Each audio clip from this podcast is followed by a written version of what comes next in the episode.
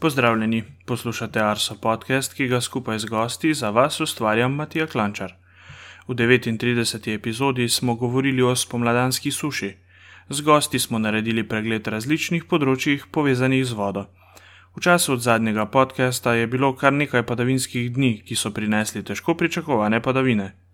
Če te ali ostalih oddaj še niste poslušali, jo med vsemi ostalimi epizodami najdete v vaši priljubljeni podcast aplikaciji na vseh pametnih napravah.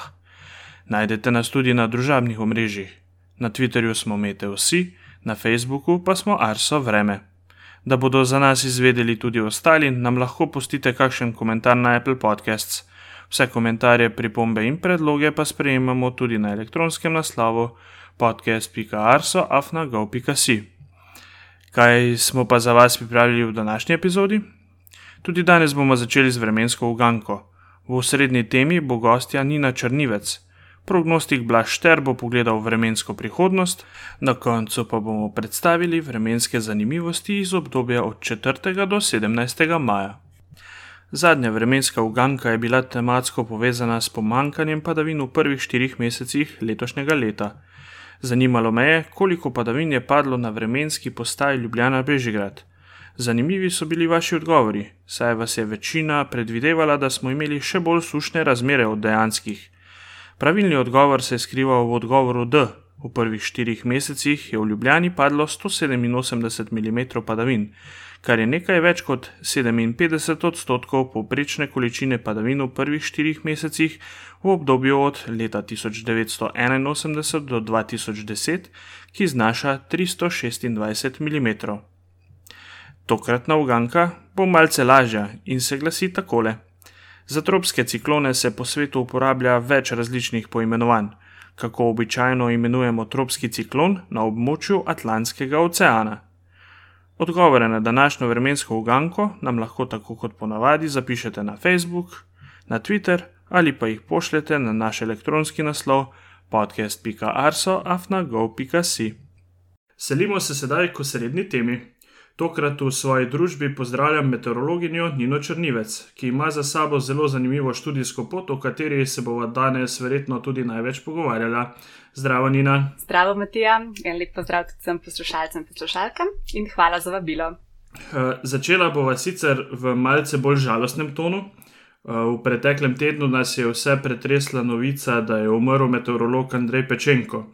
Uh, novica je bila zelo odmevna v medijskem prostoru, prav tako pa smo na naš Facebook in pa Twitter prejeli ogromno sporočil. Uh, njegove preprostosti in pa pozitivne osebnosti ne bo pozabil nihče. Glede na to, da si malo mlajša generacija, ga osebno verjetno nisi poznala, ti je mogoče kako drugače ostalo v spominu? Um, ja, tudi mene je v bistvu pretresla ta novica um, v preteklem tednu. In ja, čeprav jaz nažalost nisem imela priložnosti osebno spoznati, um, mi bo zavedno ostal v spominu iz televizijskih ekranov, kar je praktično skozi moje celotno otroštvo in mladost um, napovedoval vreme na en tak zelo preprost in prijeten način. In sem prepričana, da ga bomo bodo um, kolegi na Arsu v naslednjih dneh močno pogrešali. Uh, si pa dala, recimo, kar dobro istočnico naprej, za, in se bom navezal na študij meteorologije. Uh, je mogoče tudi on bil eden izmed razlogov, da si se odločila sama za študij na FMF, ali uh, kako si v bistvu sploh pristala na meteorologiji? Um, v bistvu sem jaz nekako začela s fiziko, če si iskreno povedan, in pri upisu na fakulteto za matematiko in fiziko takrat sploh niti nisem dobro vedela, da obstaja študij meteorologije.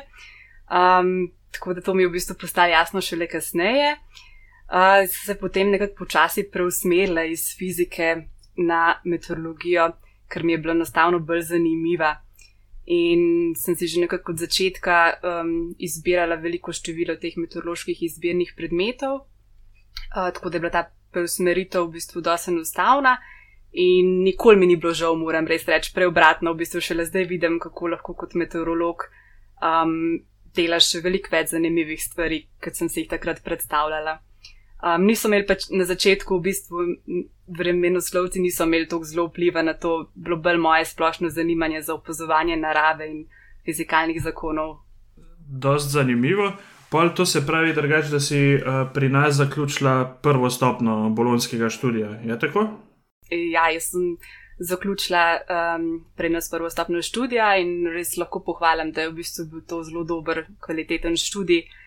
Uh, s tem bi se marsikdo strinjal in bi rekel, da mi je dal zelo dobro teoretično osnovo um, za potem tudi naprej za študij v tujini. Uh, kam te pa je potem vodila naprej uh, na magistrski študij? Um, Jaz sem si vedno nekako želela iti v Nemčijo, še posebej, ker sem se tudi rada učila nemškega jezika.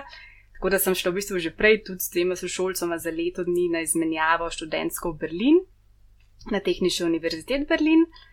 Um, leto dni kasneje sem se pa potem odločila za magistrski študij meteorologije v Minhnu um, na Univerzi LM, uh, Ludwig Maximilian Univerzitet Minhen. Še posebej zaradi tega, ker se mi zdi njihov program meteorologije zelo zanimiv. Um, in sem pa vedno gledala tudi na to, no, da se izberem nek kraj, kjer se mi bi zdel zelo um, kvalitetno oziroma v redu živeti.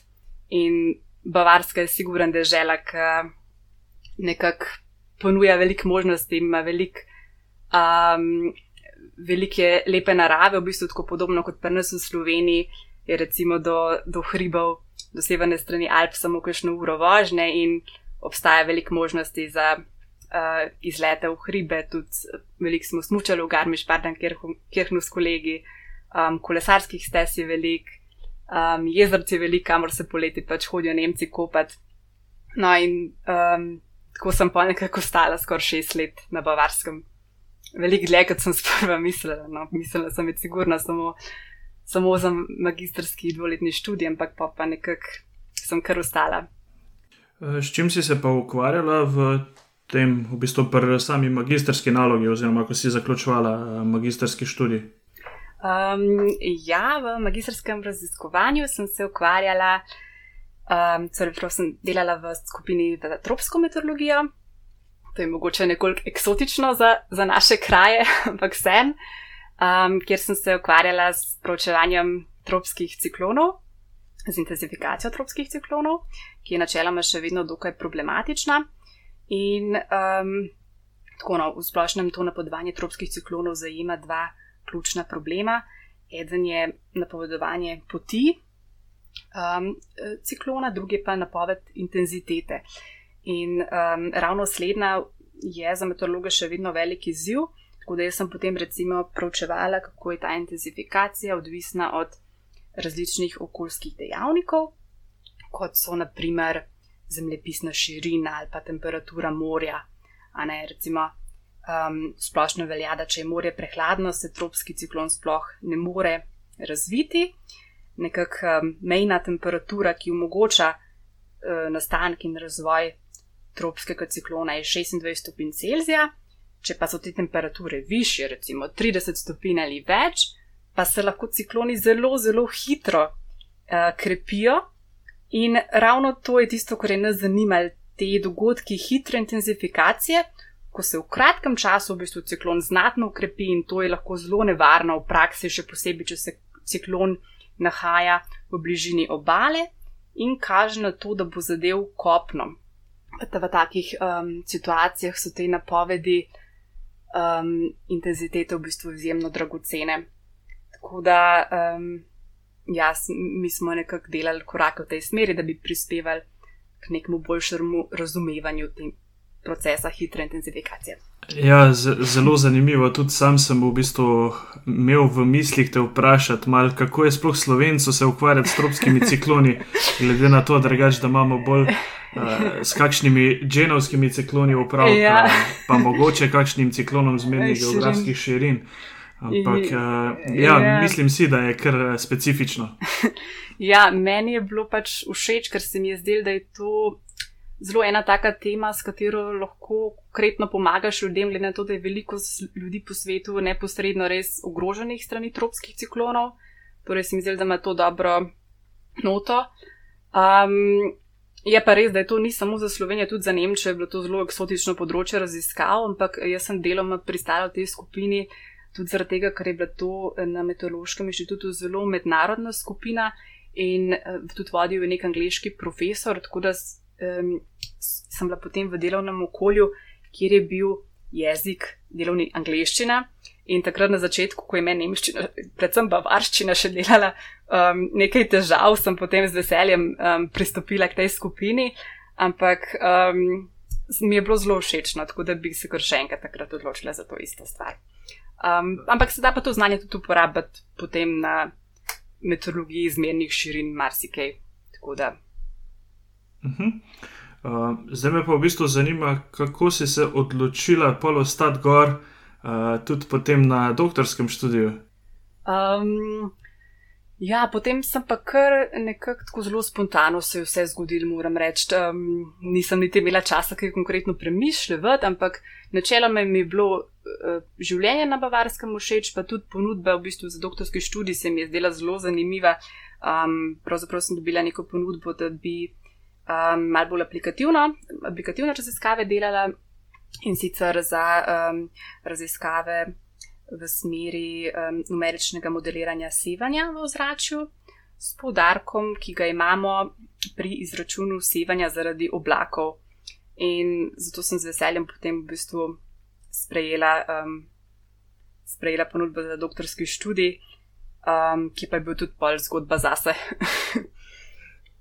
Ok, uh, se mislim drugač, da si o tem kar nekaj tudi povedala na enem izmed slovenskih podkastov, pa bomo v bistvu tudi uh, k temu pogovoru dodala linke, uh, da bodo lahko poslušalci, ki bi jih mogoče zanimali kaj več o tej temi, uh, da si lahko potem poslušajo.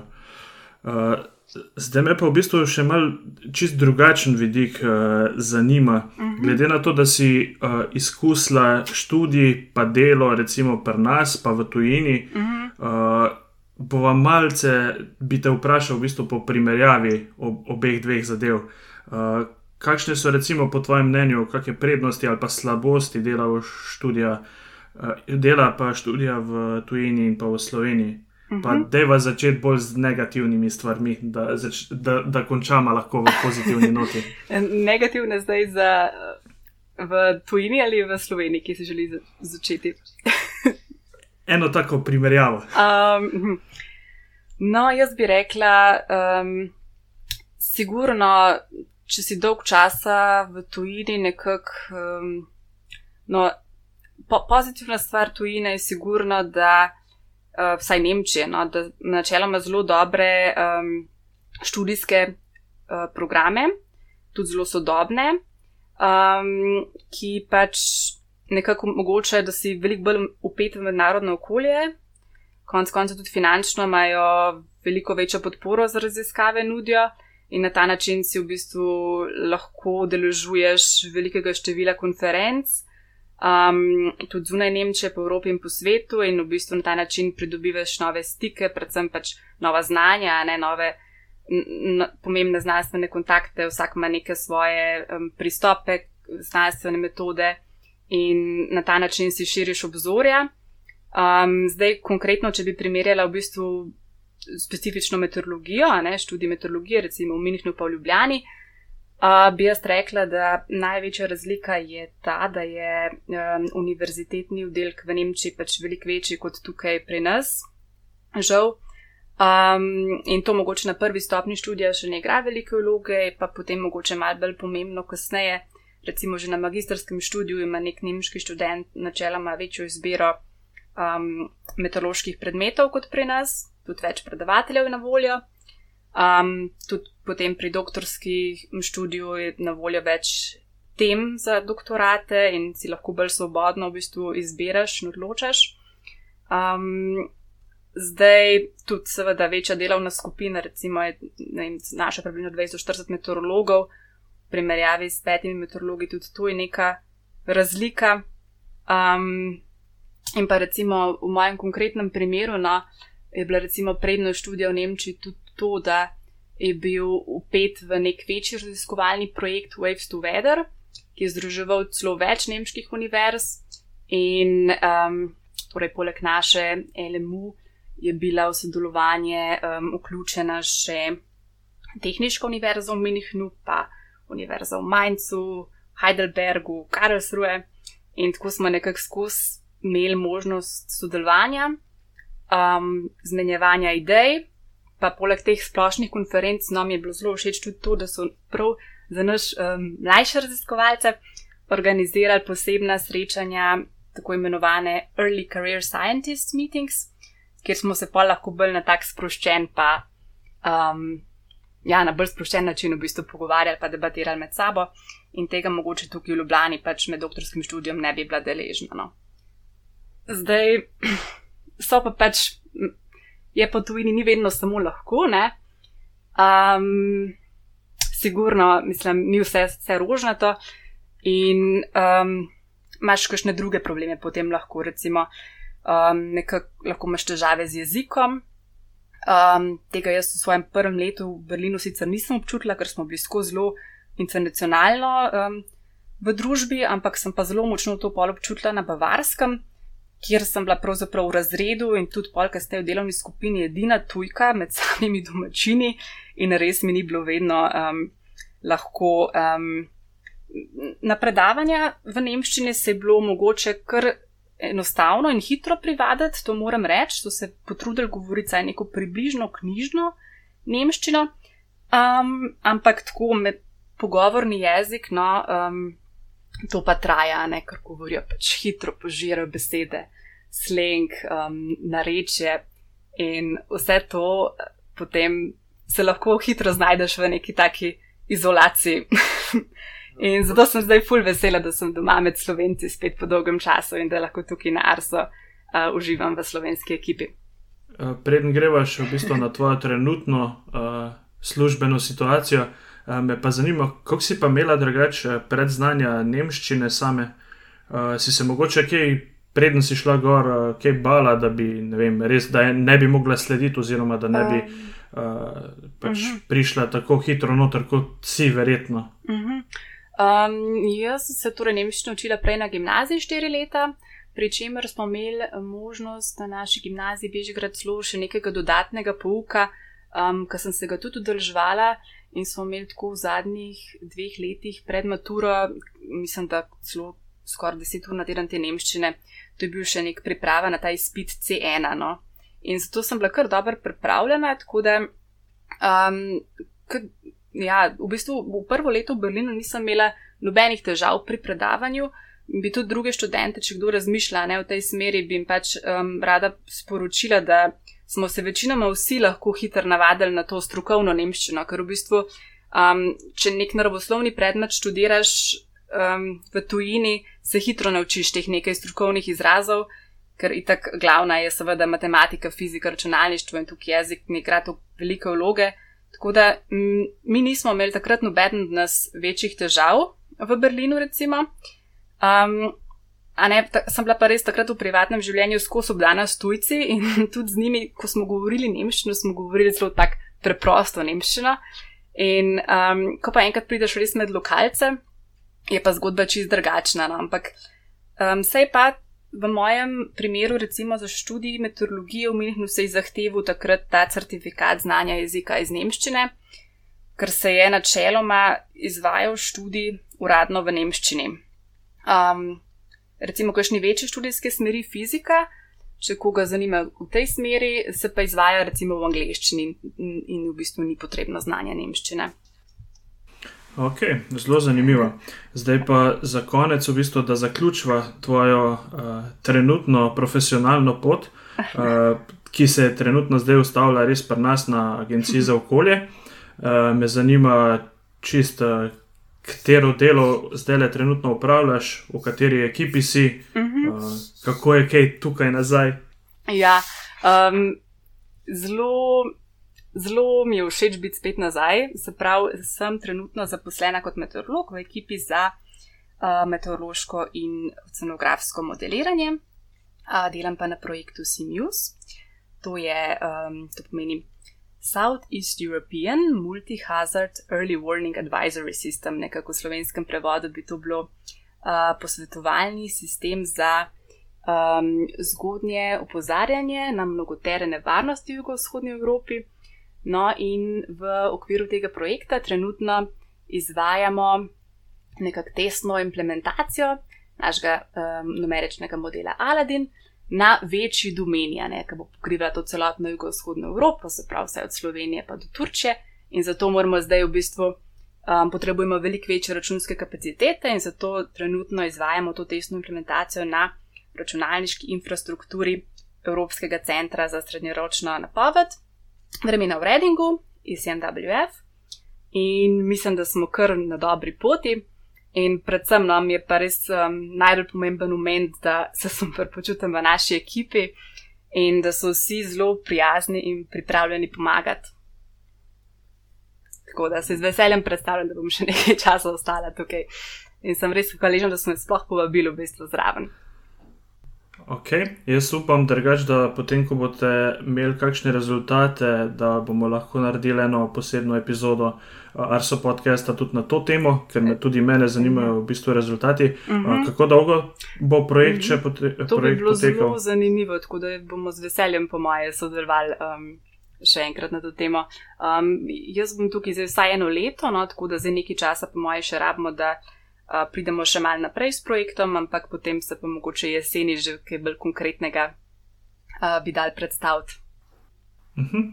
uh, čist, čist, čist zadnjo vprašanje, mogoče še uh, kakšne imaš načrte za prihodnost, uh, potem ko končate v bistvu s tem projektom, na katerem si trenutno zaposlena, a te vleče potem spet mogoče kaj v tujino ali kako drugače. Mm, kaj konkretno še nisem zdaj tako razmišljala, ampak um, ja, čist lahko si predstavljam, da bi mogoče spet kam šla, ampak v vsakem primeru si nekako želim ohranjati, vsaj na nek način sodelovati, um, kar mi zelo veliko pomeni, no, tudi da lahko kot slovenka delam nekaj za našo državo.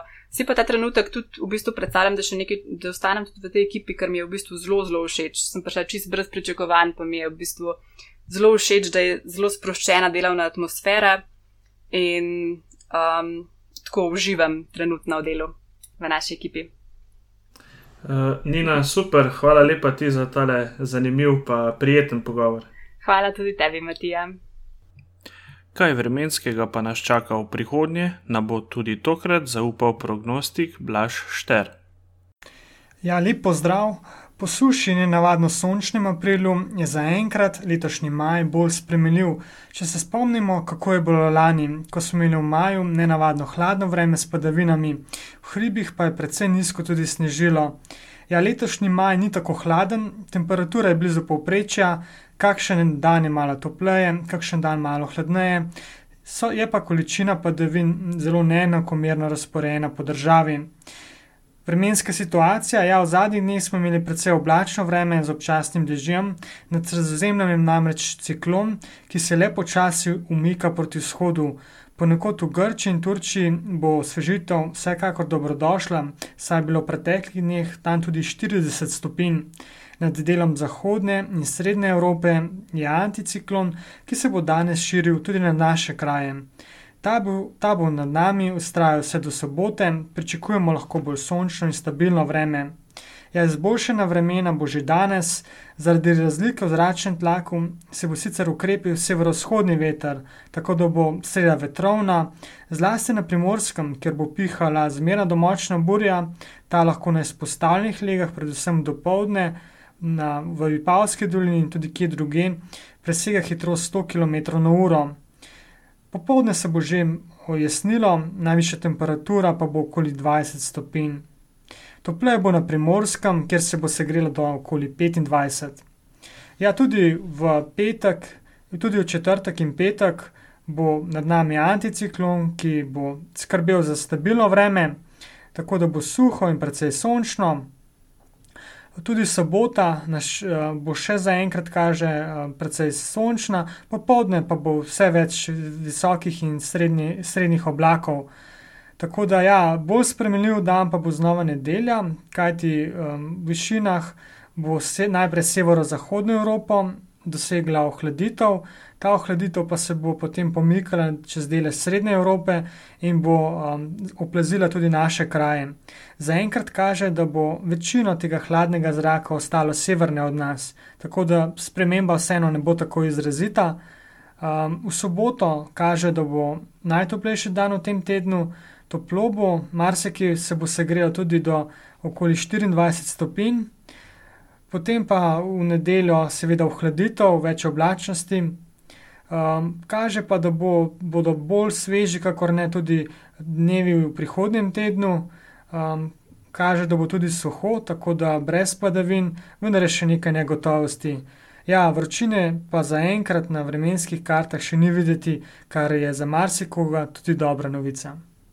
Podcast bomo zaključili z vremenskimi zanimivostmi od 4. do 20. maja. Najvišja temperatura v omenjenem obdobju je bila izmerjena kar na treh postajah v treh različnih dneh. V Črnomlju smo najvišjo temperaturo izmerili 8. maja, na letališču v Crkljah 9. maja in v Kubedu 17. maja. Živo srebro se je v teh dneh dvignilo do 27,8 stopinje Celzija. Najnižjo temperaturo smo izmerili 6. maja na postaji Kredarica. Temperatura se je spustila do minus 6,1 stopinje Celzija. Na Kredarici smo izmerili tudi najhitrejši sunek vetra. 10. maja so sunki dosegali hitrosti do 109 km/h. Največ padavin v enem dnevu je v obdobju od 4. pa do 20. maja padlo na postaji v Vovčah pri Tolminu. 12. maja smo izmerili nekaj več kot 100 mm padavin. Za konec pa še podatki v najbolj sončnih postajah. Preteklih 14 dni ni bilo pretirano sončnih, kar je videti že iz primerjave podatkov iz zadnjih dveh obdobij. Največ sončnih ur so tokrat zbrali v novem mestu 98 ur in 20 minut. Najbolj sončen dan pa je bil 7. maj, ko je na listi sonce sijalo 13 ur in 58 minut. Za konec te epizode pa bom prebral zgodbo, na katero sem naletel ob prebiranju komentarjev na enem izmed medijskih portalov ob Andrejevi smrti. Citiram: Nekoč sem bil na Trubarjevi in nenadoma se je ulilo kot iz škafa. Vsi smo se umaknili pod nadstreške in čakali, da se ploha umiri. Dežnikov s seboj nismo imeli, saj je pečenko večer poprej napovedal lepo vreme. Nenadoma po ulici s torbo na glavi mimo nas priteče pečenko. Zaploskala mu je cela ulica. Odvrnil je s širokim nasmehom in pomahal. Andrej, počivaj v miru.